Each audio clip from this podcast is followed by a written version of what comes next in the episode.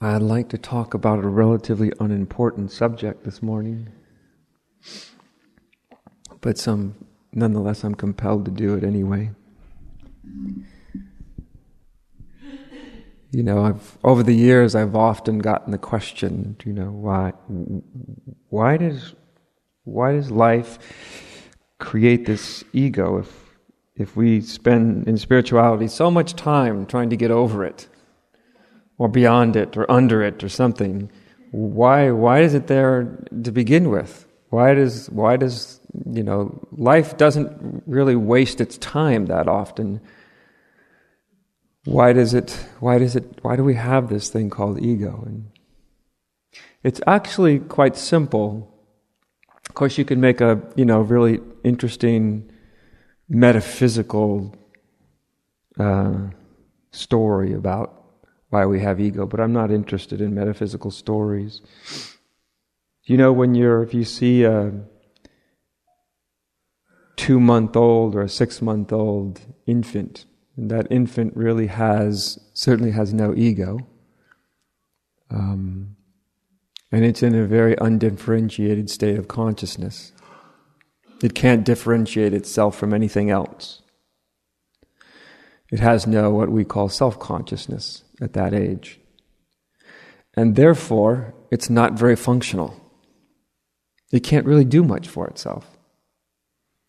It can't tell you specifically what it wants and what it needs. Anybody who's raised a child knows you have to sort of learn the language uh, of crying. Because when your baby cries, you know, at first you tend to not know what it means. What do they want? Are they hungry? Do I need to change their diaper? Do they need to go to sleep? Well, what's being communicated? It's like a, it's like a foreign language. And then over time, you get a little bit more accustomed to this foreign language, and you realize that there are there are lots of different inflections about the way, uh, let's say, an infant will cry, and you start to be. It's almost like reading tea leaves or something. You know, you start to kind of pick up on okay, that cry means this, and that kind of cry means that, and you know, you you you kind you. Um, it's almost like learning a little bit of a foreign language, I suppose. But it's you know, it's not the most accurate language in the world, right? You can you can only communicate very rudimentary. If I'm hungry, I scream this way. If I'm tired, I scream that way. Do you know, if I'm frustrated, I cry this, you know, and so it goes. It's, it's a form of communication, but it's not particularly accurate.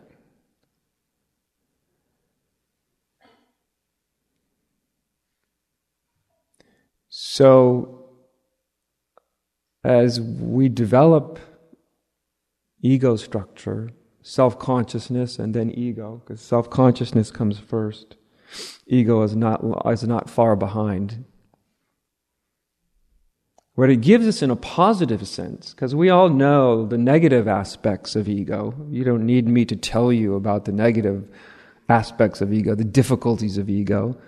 Uh, the positive aspects of ego, however, is that number one, it allows you to differentiate. You can go me instead of you in the same way that it's, it's useful to say whatever these flowers are called, I don't know what kind of flower this is or blossom it is. We'll call it a blossom, do you know? But it allows, it allows, it allows us to communicate. It allows us to understand each other. If I say blossom, you know that I'm not talking about a brick. Do you know? I'm talking about a blossom. So language is also part of that, isn't it? Language la- language is actually the thing through which ego is developed is is in large part not entirely but in large part through the, through language. You can't really have a coherent ego structure until you have enough language to hold it together. That's why a 6 month old doesn't have an ego structure because they have no language. Like as i said except a very instinctual language of if you know, if they're feeling good, they smile, and if they're not feeling good, they cry or let you know they're upset in some way. That's a that's a type of just more of a response, really, than a, any kind of an accurate language. So there are some very positive things that this ego structure allows us to do. Number one, it allows us to communicate like we're doing now because it, it can comprehend language, it learns language. It's actually constructed, as I say, primarily out of language, words and ideas and all the rest. And relatively speaking, that's a positive thing. If you ever wonder about this, just look at how much more ac- uh, how, how you can communicate in a different way than, say, you know, a rock doesn't have much language. You know, can't tell you anything, can't even tell itself anything. Therefore, a rock's probably not going to suffer like a human being does. but neither will it maybe feel joy.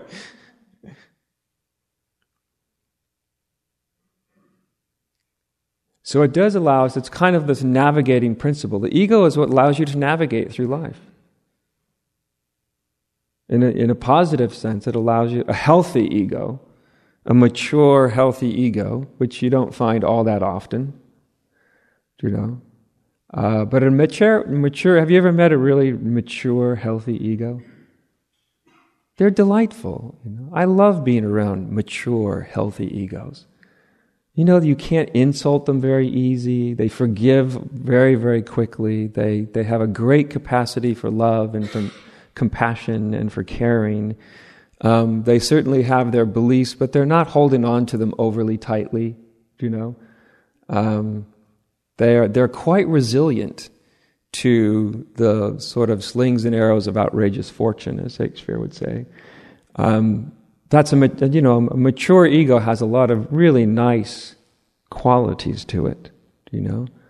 Um, so even to to establish a, a, really quite mature and healthy ego, a healthy ego feels rel- relatively pretty good about itself, and so it goes. And all this allows you to, to navigate through life in a particular way. You know, not only be through the use of language, which allows you to navigate also, but through a sense of autonomy. So you're not totally merged with everything and everybody around you. One things that we often forget in spirituality or don't understand is that the experience of unity and the experience of merging are two completely different experiences. They sound similar, and there may be some similarities, but they're not the same thing, right? Unity is just simply to perceive the unity of all things, to see that everything is one, one, whatever you want to call that one. God, Buddha nature, consciousness, doesn't really matter what we call it. Merging is when you can't differentiate yourself from the world or someone or something around you, right? And so one of the one of the unfortunate byproducts of, of certain spiritual practices is actually you can actually become overly mergy. It happens, right? When you're overly mergy, you're like a radar antenna that picks up everything around you, and you stop being able to differentiate what's yours and what's theirs. Right? So if somebody's having a bad day, you walk in the room, you feel the energy if you're if you're very sort of open, you feel the energy and you can't quite tell is that mine? Is that theirs? So not only do you have your problem, but you have everybody else's problem to deal with. That's the merged state of consciousness. That's not unity. That's merge, mergity, we could call it. And it's very similar to a state that an infant's in, a very merged state where there's no differentiation. That's why infants are very, very sensitive to their environments. You know, if you walk in a room and you're really upset, it's very, it's very, very likely that all of a sudden that infant gets upset because they're feeling energy, but they have no way to tell whose energy it is. As far as they know, there's just energy. And in one sense, and sort of an ultimate sense, that's correct. There is just energy. But as far as a navigational principle, to be merged with everything around you is a relatively difficult way to go through existence. You know? It's actually useful to be able to feel and discriminate what's yours and what's somebody else's so that you're not walking around in everybody else's business all the time. You know? As I say, sometimes it's a byproduct of certain kind of spiritual disciplines or even any kind of opening, there's often some greater capacity uh, your your sensory this thing, your body, not only your physical body, but sort of your subtle body gets very, very much more open and porous and and it's uh, and so it can take in a lot more information. You know, when we're really sort of closed in a very in tight, tight egoic space, not only can you not feel what's going on around you, but you can't, and therefore you can't even acknowledge it. Right? You don't really gotta. If it if that gets really, really desperately bad, you know, then you've got a kind of pathology. Then you've got a either a sociopath or a psychopath who can't actually feel, have a feeling for anything or anybody around them. It's therefore they can't actually feel compassion. They can't actually put themselves in somebody else's place, right? And so to be able to be able to do this, to be able to put yourself in the place of someone else, even through imagination, can breed a kind of compassion. Most of us growing up were at certain times in our lives encouraged to be able to do that. You know, well, how do you think that affects so and so, honey? And it's a way of saying, like saying, get out of your space for a moment and check out how it might be somewhere else, right? It's a healthy thing to be able to do. If you're, if you're doing it obsessively, then it's not healthy, right?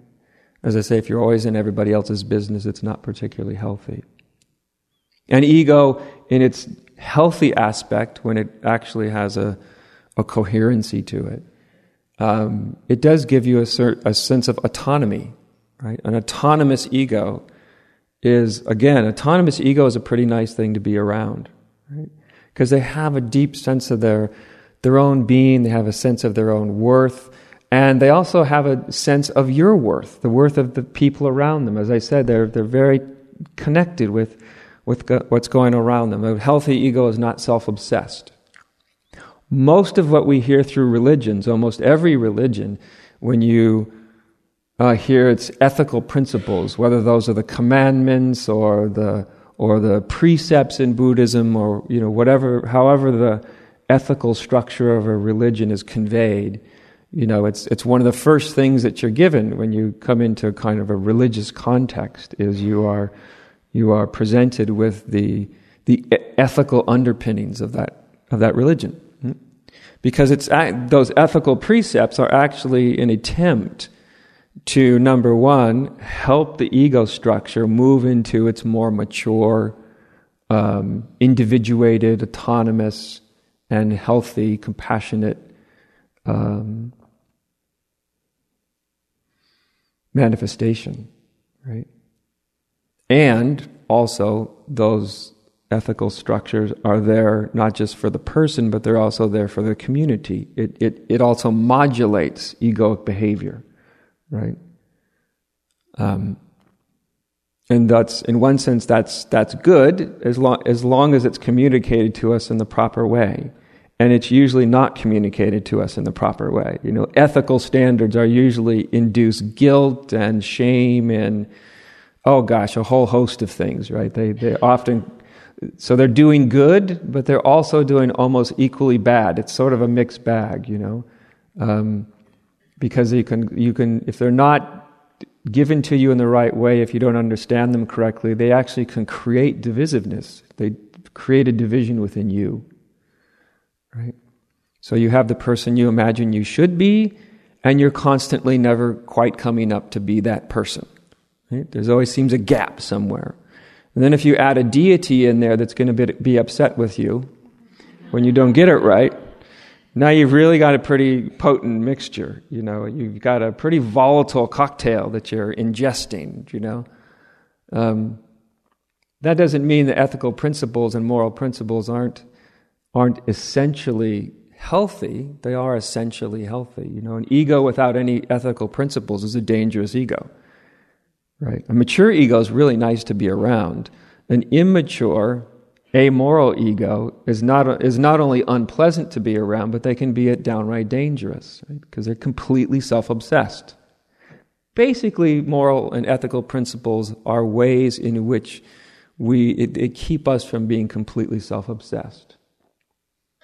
And from an ego point of view, or for any, I think, any rational point of view, that's a pretty good thing.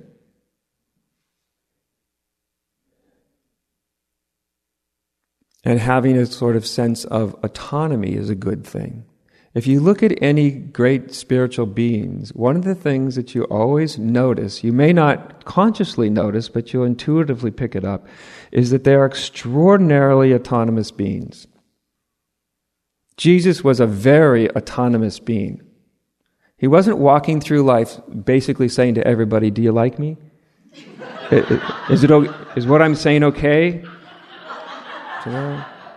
Uh, you disagreed with me and that hurt my feelings. So let us sit down and have a cup of coffee and pro- help me process myself through this, you know?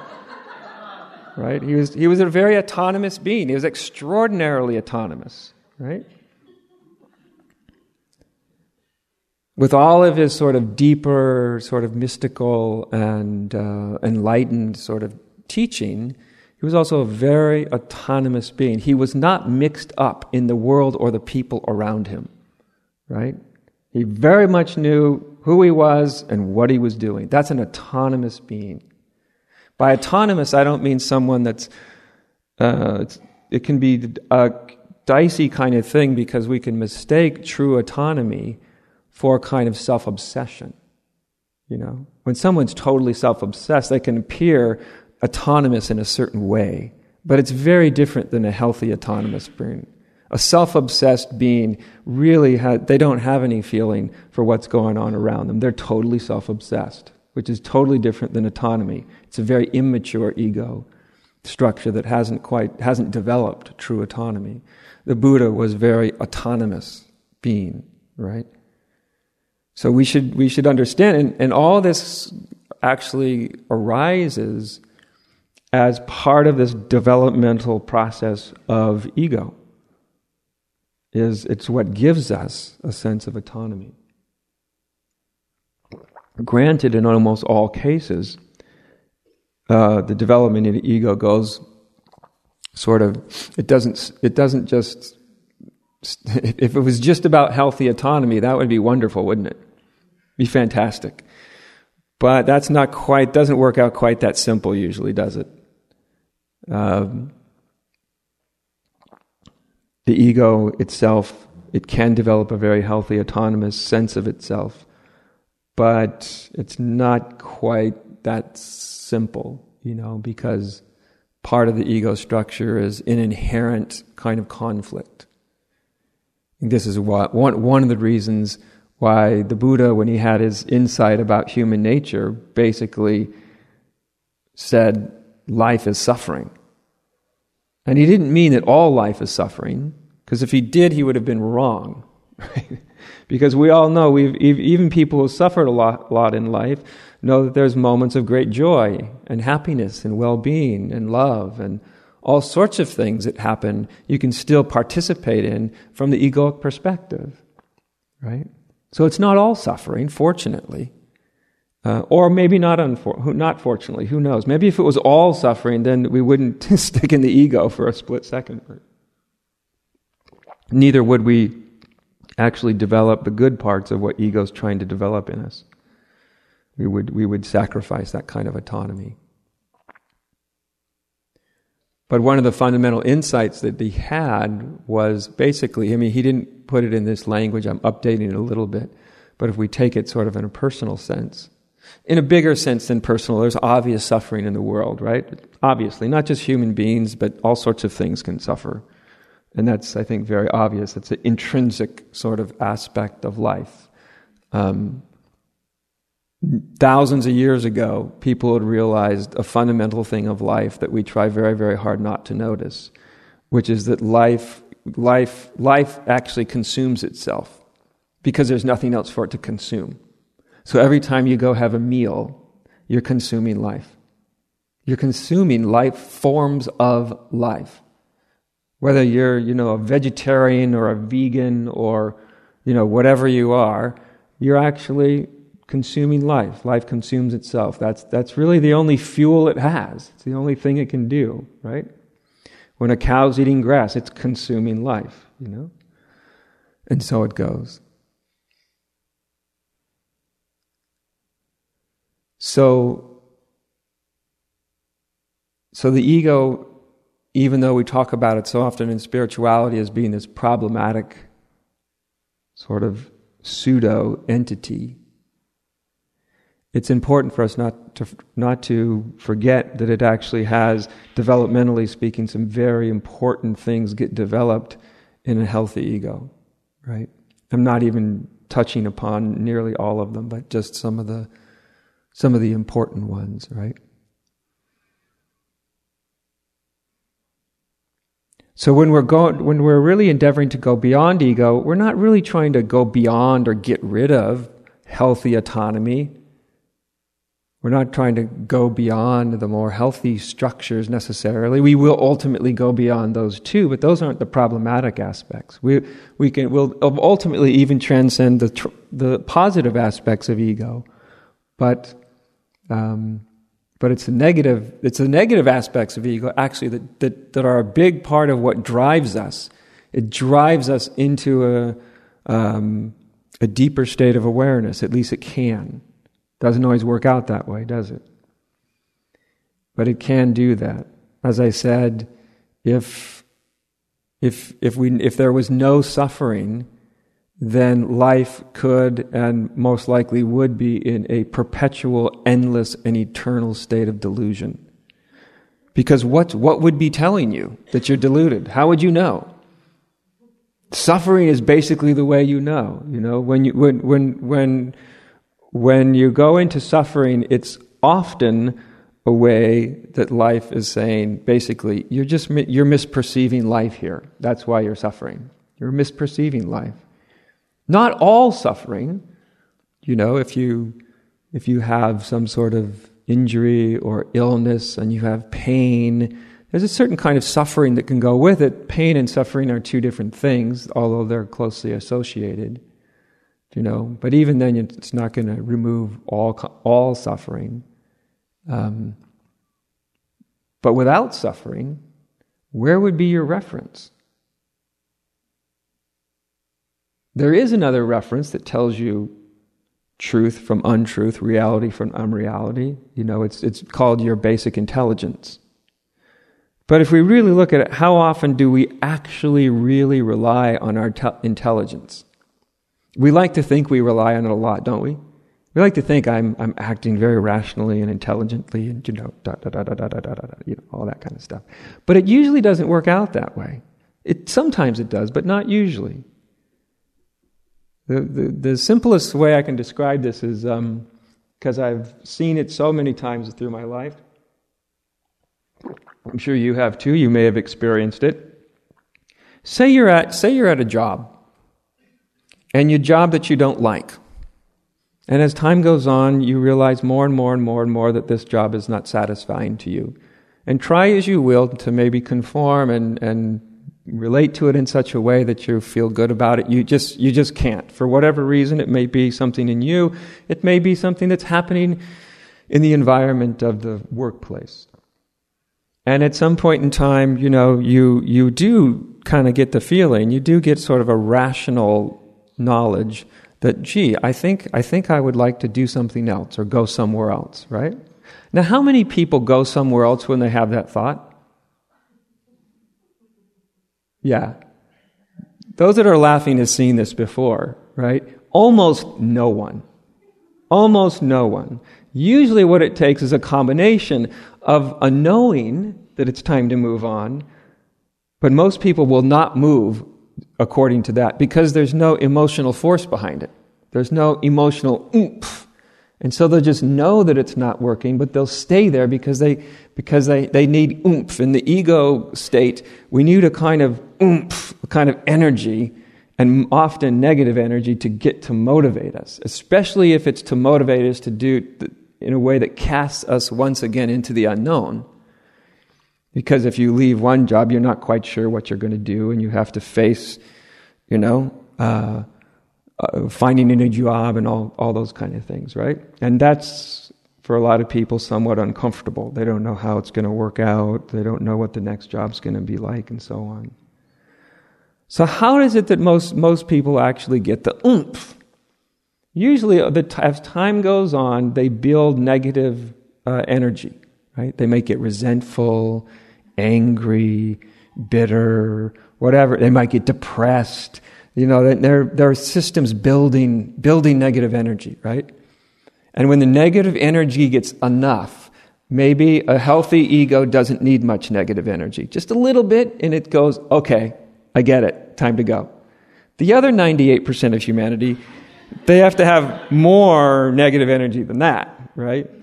And a lot of people have to have a tremendous amount of negative energy, right? And so, and this isn't only in, in jobs, it can be in relationships also, right? That's why when people move on from relationships, they often move, it often takes an incredible amount of negative energy for them to break the bond and move on. There's nothing written in, in life that says you have to have negative energy to just wisely move on with something in your life. It's just that from the ego perspective, we usually just don't move from our native intelligence. Like I said, because it's just it's just like truth. It's just given to you. Like, oh, this isn't working out. And an extraordinarily healthy, mature ego, which there isn't very many of them, that's enough. The other 98% of the population needs to generate negative energy. And when negative energy has to get really hot, and when it gets really, really hot, then you have the, then you have enough force that gets you to break loose, right? You're like, screw it, today's the day. Oh, I've had it. right? I'm leaving.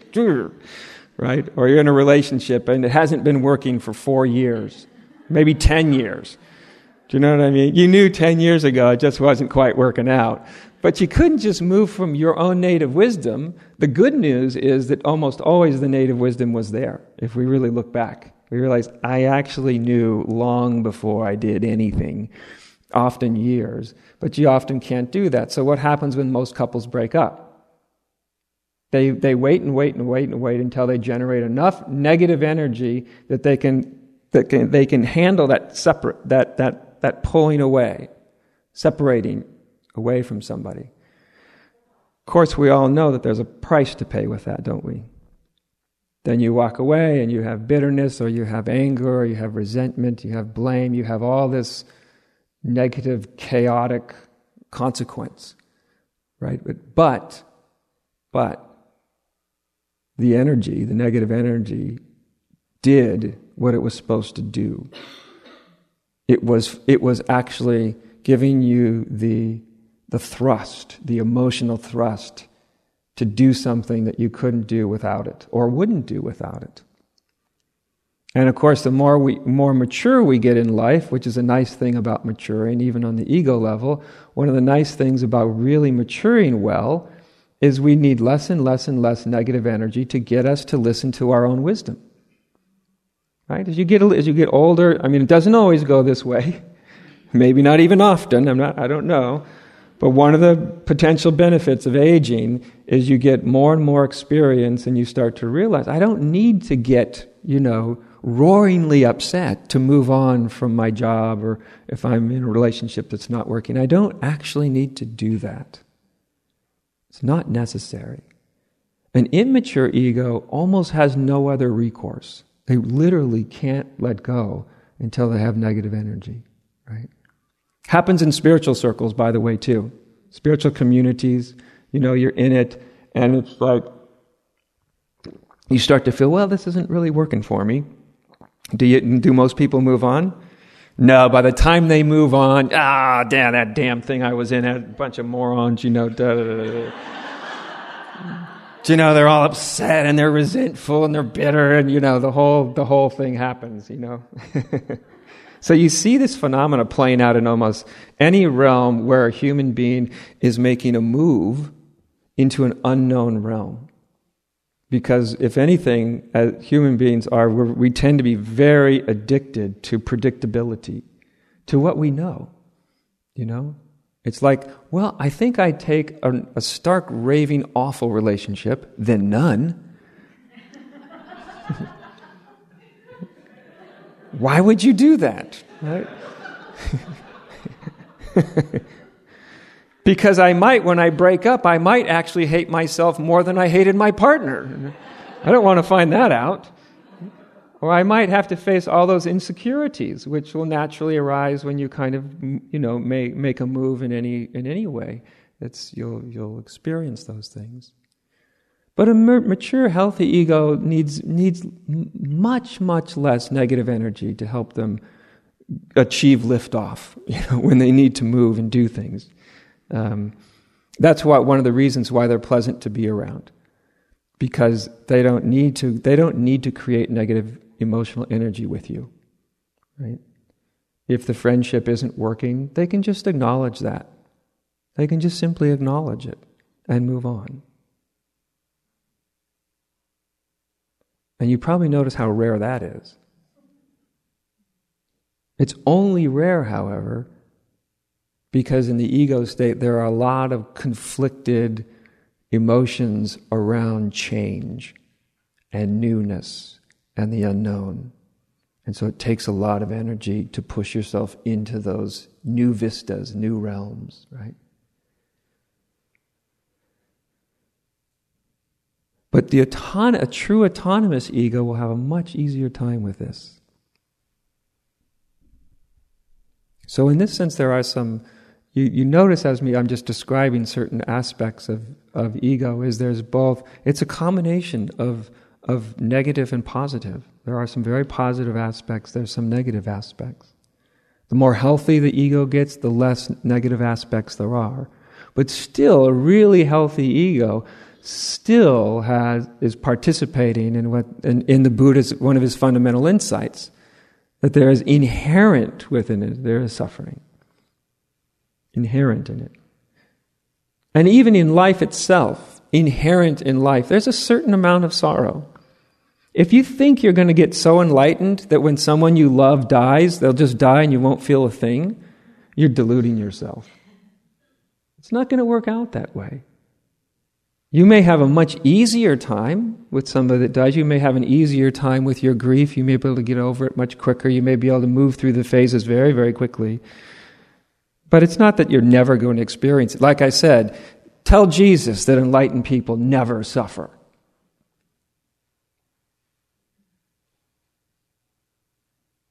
There was somebody that had several moments of pretty profound suffering. It doesn't fit into our idea of what we sort of want all this, because we want truth to be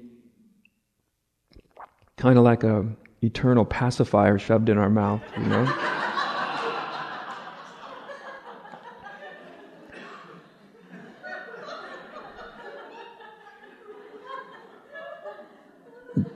As we become more and more awake, does it, does it mitigate a tremendous amount of suffering? You bet it does.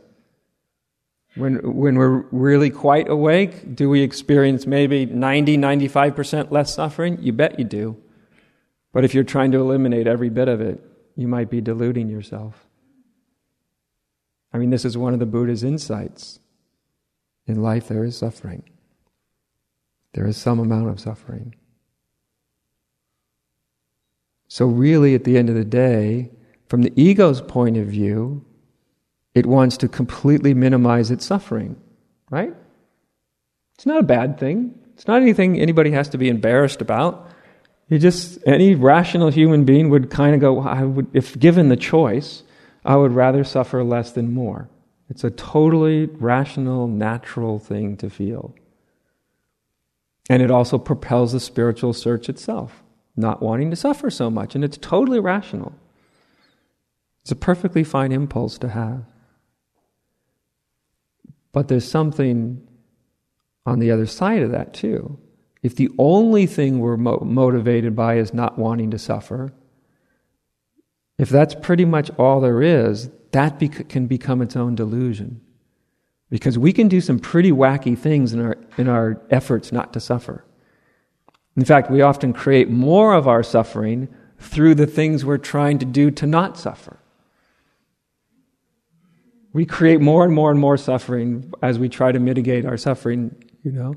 But there's something else from the deeper part of us It's not really interested in living life as a, as, an, as a constant effort to mitigate suffering. It's more interested in, uh, in maximizing one's capacity to love. And that's a much deeper impulse. That's what you find in the Jesus story.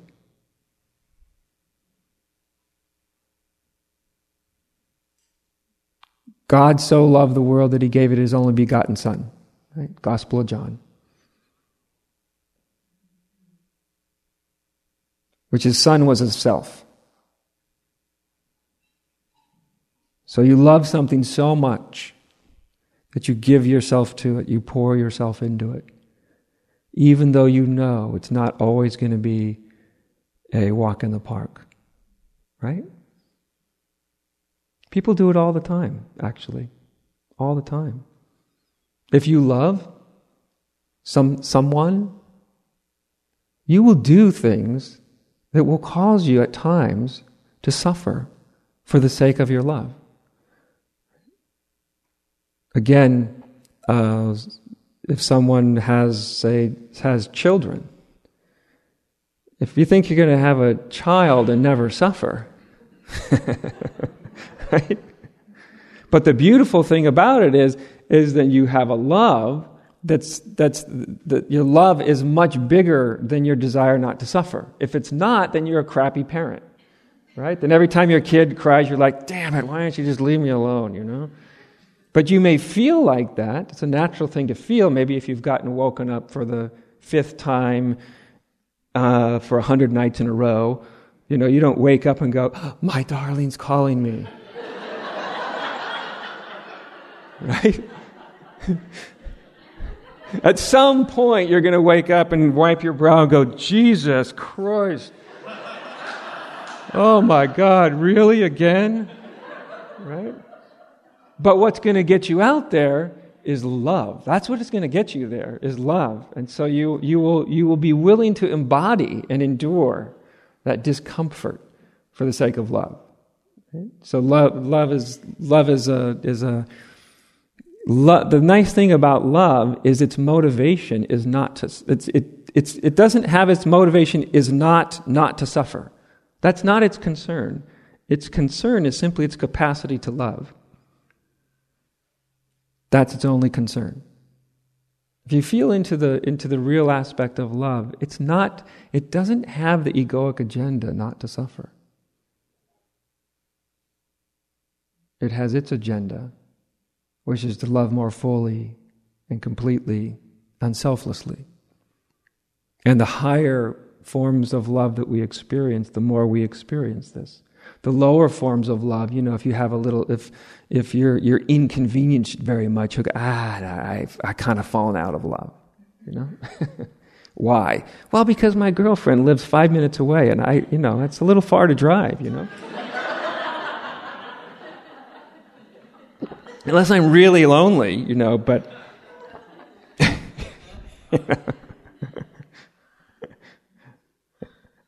or the typical story, you know, I really do love you, honey. I really, I really, I really do, I really do love you. I don't have any time for you, but I do love you. You see, I play poker with the boys seven days a week. And so therefore I can't hardly ever see you, but I really love you, right? You know what I'm talking about. That's somebody who does not love at all, right? okay. So I, I, think obviously, developmentally, sort of developing of the ego as an idea, as an image, obviously very problematic. Because then it's something you have to protect constantly. Whatever your image of yourself is, you have to protect it. And you will find yourself protecting it for or against your will. If your image of, is really positive, then you'll protect yourself from anybody seeing you in a negative way.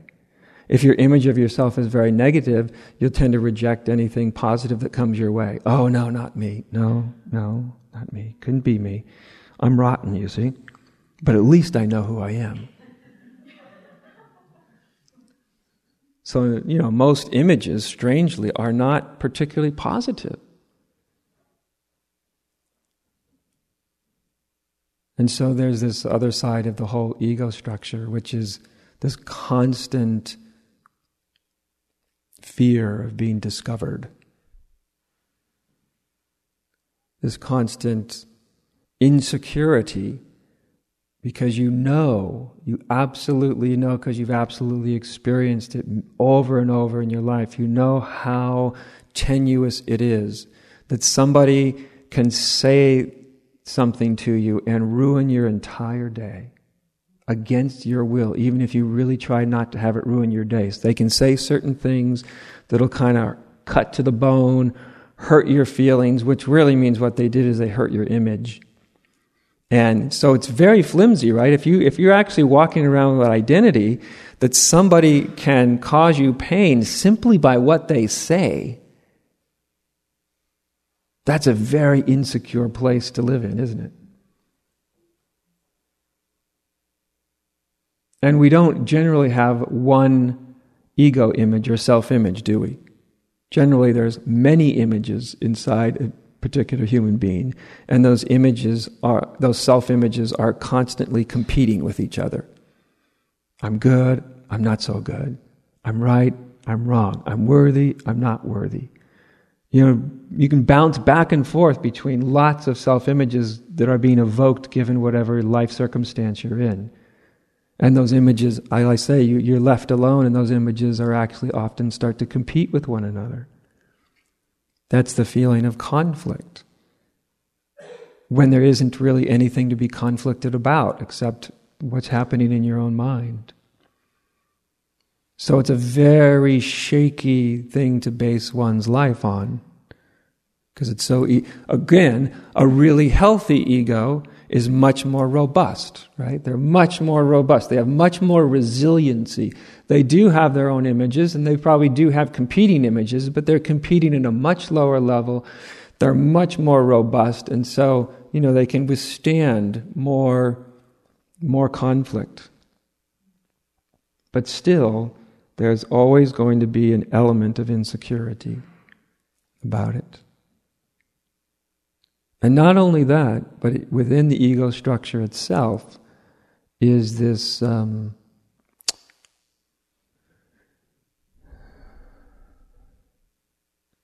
emptiness. The image I always get, I know this is a silly image, it's almost like a donut. Something, this structure that has an empty hole in the middle of it. And in, in the core of every ego is an empty hole. It's like a black hole right in the middle of the ego structure. It's always there. You don't even have to particularly look hard to find it. Right?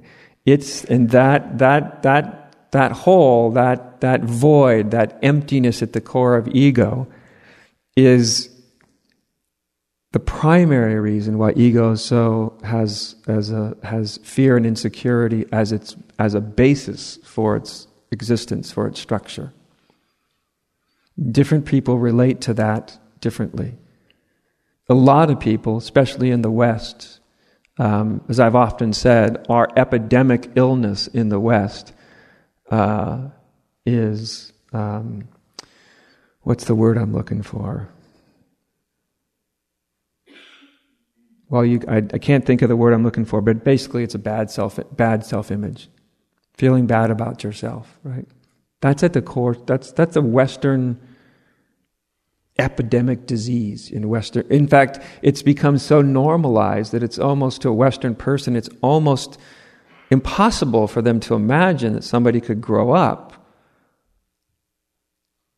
without basically feeling bad about themselves in any way.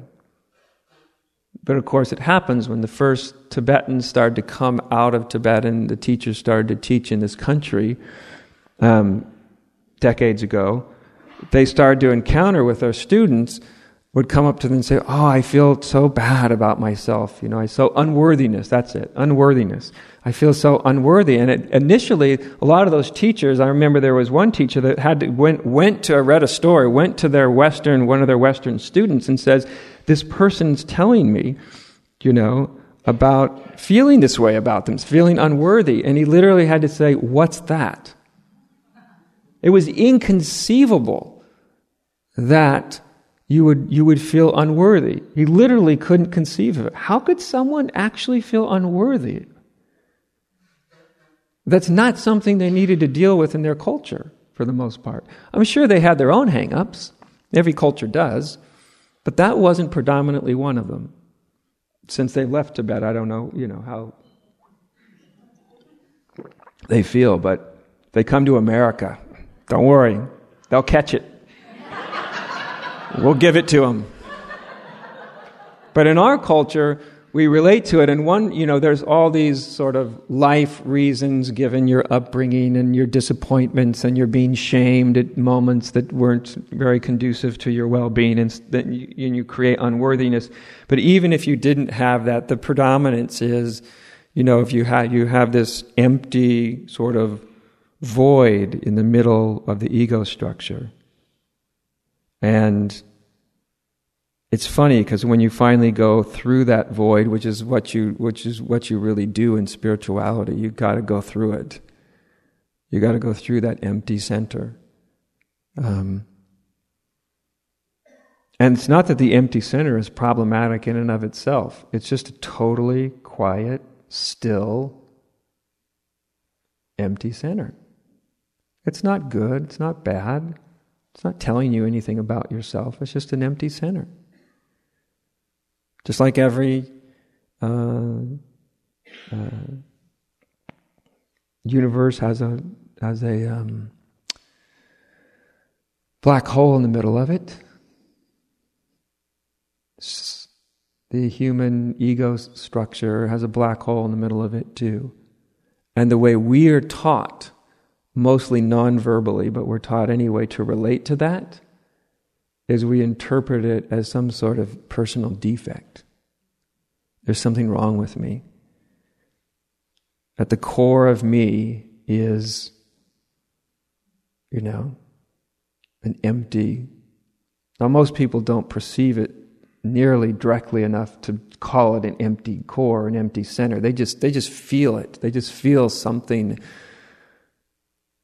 and they've, in our culture, we are modeled of how to interpret that. And we interpret that as unworthiness. There's something wrong with me. Inauthenticity. You ever feel inauth- inauthentic? That's not the word, is it? I think it is, yes, okay. Um, but where that really comes from, I mean, it can come from the, of course, it's reinforced by the, as you grow up, by people around you can make you feel, you know, not worthy and stuff. But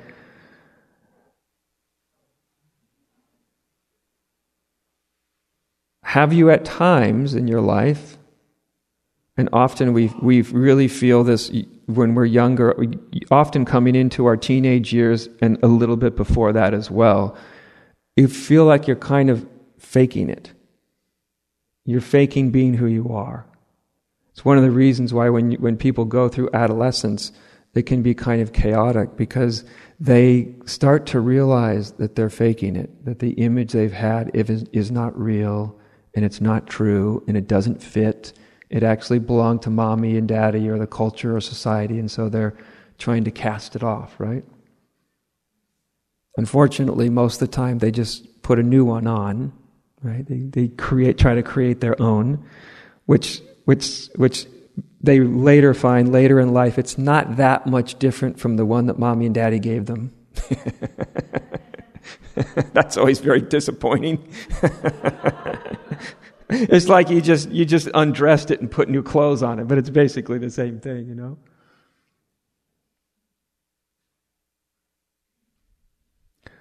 This is why so many people have a problem with silence.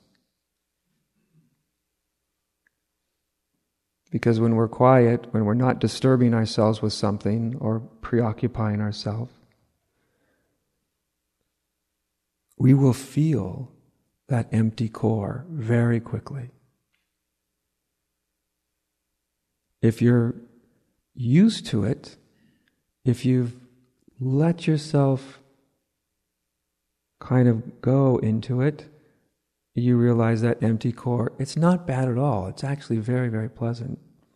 And it's actually the doorway to something much more, much more deep. It's actually a very efficient doorway to awakening itself.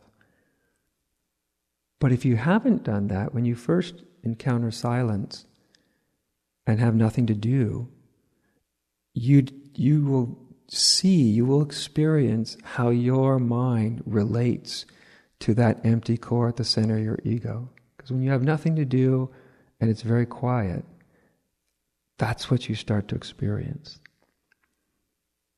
And you'll maybe have different, different people have different reactions. Some people get a little depressed. Some people's mind starts to just race as a way of covering it over, as a way of, you know, like to, to have a racing, anxious mind is better than to directly encounter. Again, it's hard in the West to encounter that emptiness because we're so conditioned to experience it as a kind of essential inadequacy, right?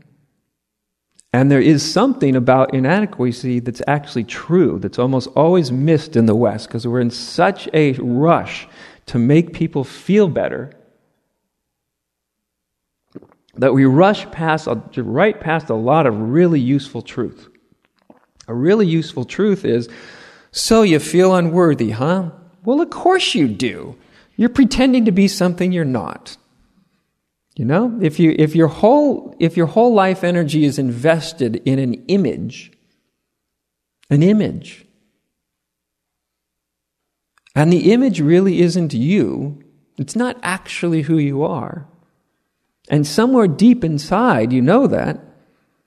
Can you see how easy it would be to make this assumption unconsciously? It, all this happens so quick, it's usually unconscious, but you make this assumption that there's something wrong.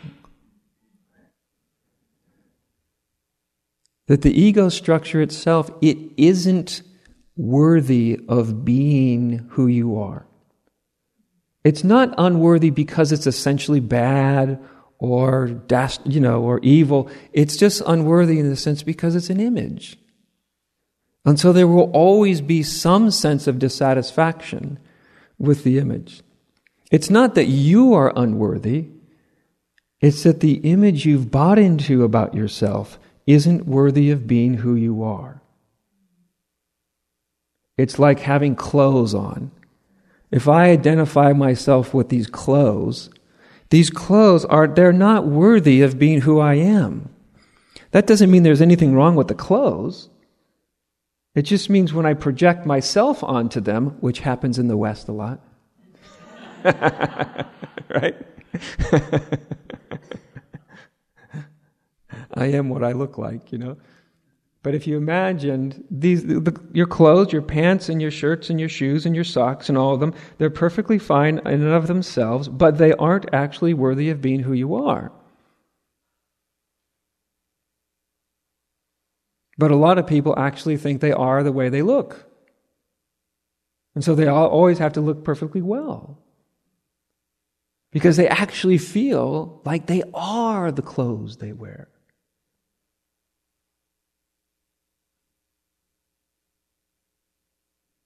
And so there's a part of unworthiness that if we're too quick just to try to cover it up and make every make ourselves feel good right away, we'll miss something that could be so liberating.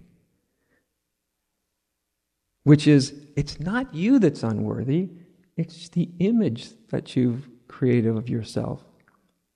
And that was kind of a natural byproduct of developing an ego.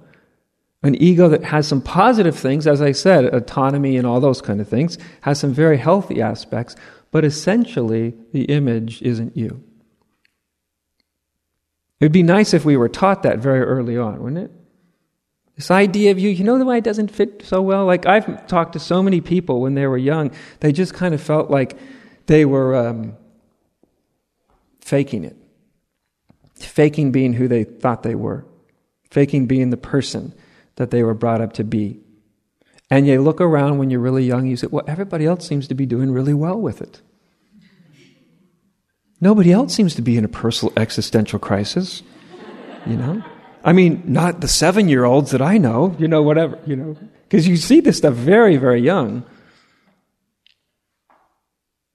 I remember when I was young and I looked around and I had a very visceral sense of this that my my my sense of who I was that was basically, you know, given to me. Um, I had a visceral sense that I was kind of faking being me in some way. It wasn't really bad, it wasn't heavy like it is with a lot of people, but it was still there. And I remember looking around, and I, I looked, as you do when you're young, for a reference. And as I was looking around, I thought, everybody seems to be doing perfectly fine with theirs. You know? Well, you get a little bit older, and then you realize almost nobody's doing well with theirs, right? Nobody's actually doing that great with it, you know? by the time you get to be, uh, you know, in your adult years, in your 20s and 30s, and fo- by the time you hit your 40s, boy, do you realize that actually what you were perceiving was extraordinarily common, and there was a truth in it. When we misperceive who we are, it's going to feel inauthentic. Can't be otherwise. So again, that kind of suffering, whether it's strong or mild, is part of what motivates us to let it go. Because if it felt totally authentic and real, we'd never let it go. We'd be stuck with a phony image indefinitely. So when I say false self, I am not, I have no intention to communicate uh, a kind of damning or negative judgment on self. To call something false is not to call it bad or wrong, it's just to call it false. If I forgot that I, if I thought that I was what I looked, looked like, I would just have had a false image. It's not a bad, it's not evil, it's just false. It's just not right. So there's no moral judgment about the falseness of the egoic image. It's just not real.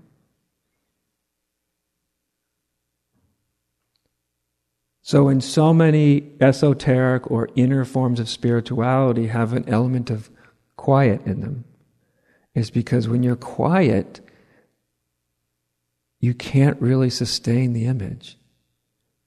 As I've said, you have to keep thinking the image into being. If you're not thinking the image into being, it literally can't sustain itself. And that sometimes can be wonderful, sometimes can be frightening, sometimes can be confusing. But essentially, the problem when we're when you haven't experienced much silence, and sometimes you're actually experiencing the empty center of the ego, where there is no image. Last night, when we ended the question and answer, and I talked about that um, sort of imageless place. As I said, awareness is often one of the easiest portals. Awareness has no image, just aware. The awareness that's looking at me right now and listening to me, that awareness has no image. The image is in your mind but it's not in the awareness.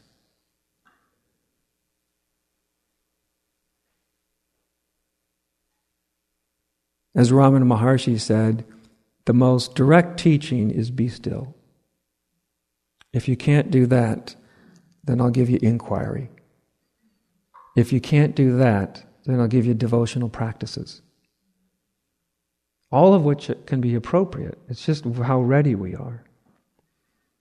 But the reason that he said to be still is the ultimate form of spiritual practice is because as soon as we're still, we cannot sustain the image we have.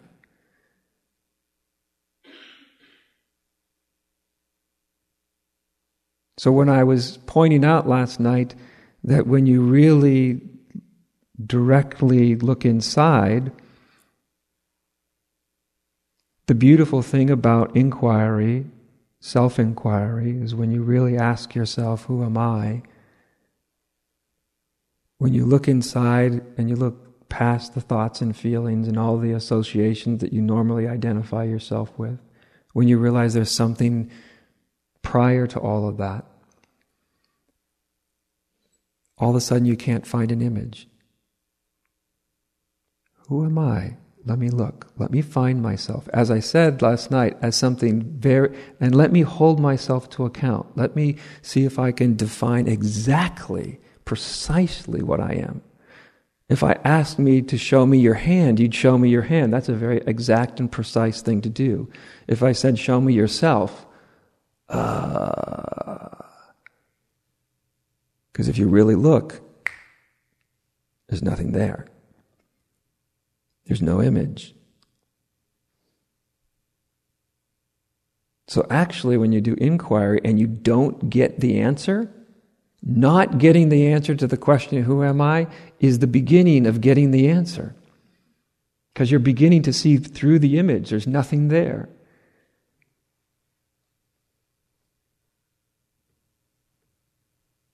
And then you see how addicted we are to seeing ourselves and relating to ourselves as something or someone. But when we really look for that someone in a precise way, we keep not finding it. And therefore, we think we haven't got the question right. We haven't got the answer.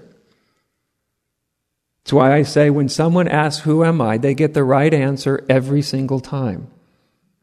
It just is so immediate they don't know it. It's so unexpected they don't notice it. They look in, they don't find anything, and they go, ah, I don't know.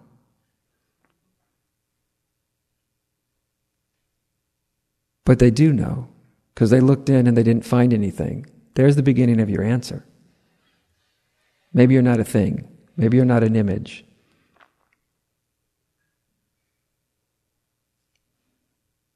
So when Ramana said, Be still, this is what you cannot avoid when you're being still.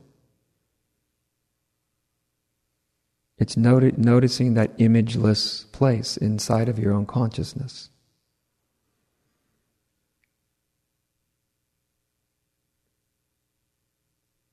And all you do is let, let, let yourself go there.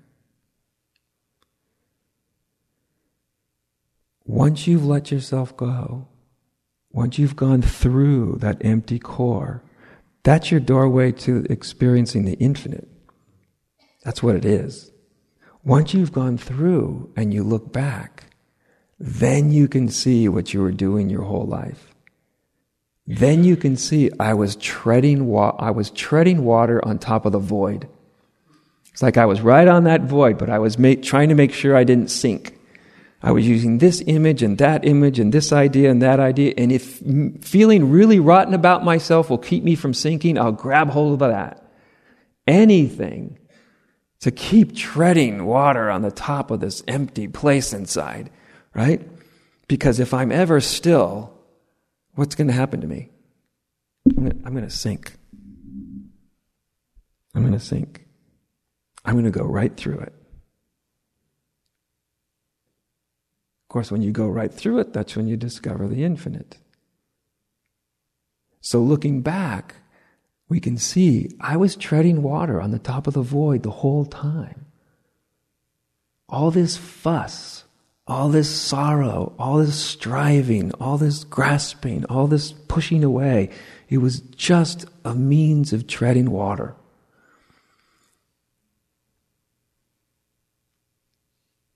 And then usually the world looks a lot different to you then, because then you can see, boy, no wonder everybody's so scared and frightened and reactive and everything, because they're treading water.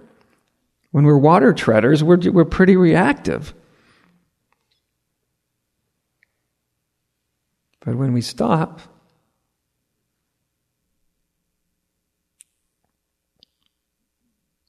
as the great Saint John of the Cross wrote, in order to come to the knowledge you have not, you must go by a way in which you know not. Get what he's talking about? In order to find out who I am, I must go by a way in which I don't know who I am. I must go to that place where I can't find myself inside, where I don't know where I am or who I am. And if I go to that place and be still, I will come to realize what I am. But this is a Christian mystic realizing exactly the same thing, trying to communicate it. In order to come to the knowledge you have not, you must go by a way in which you know not. In order to be what you are not, you must go by a way in which you are not. And so it goes.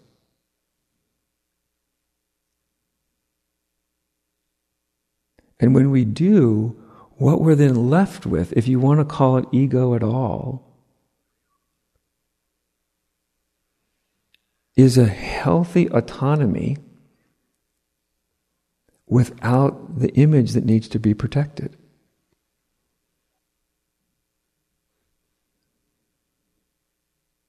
Then you understand ego wasn't all a terrible mistake. Sometimes it feels that way.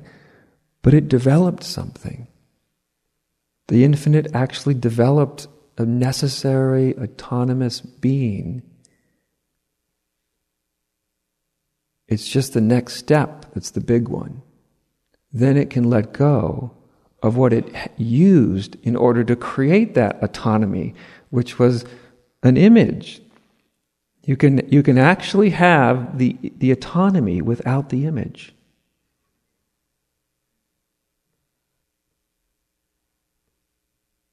I hope you enjoy your day.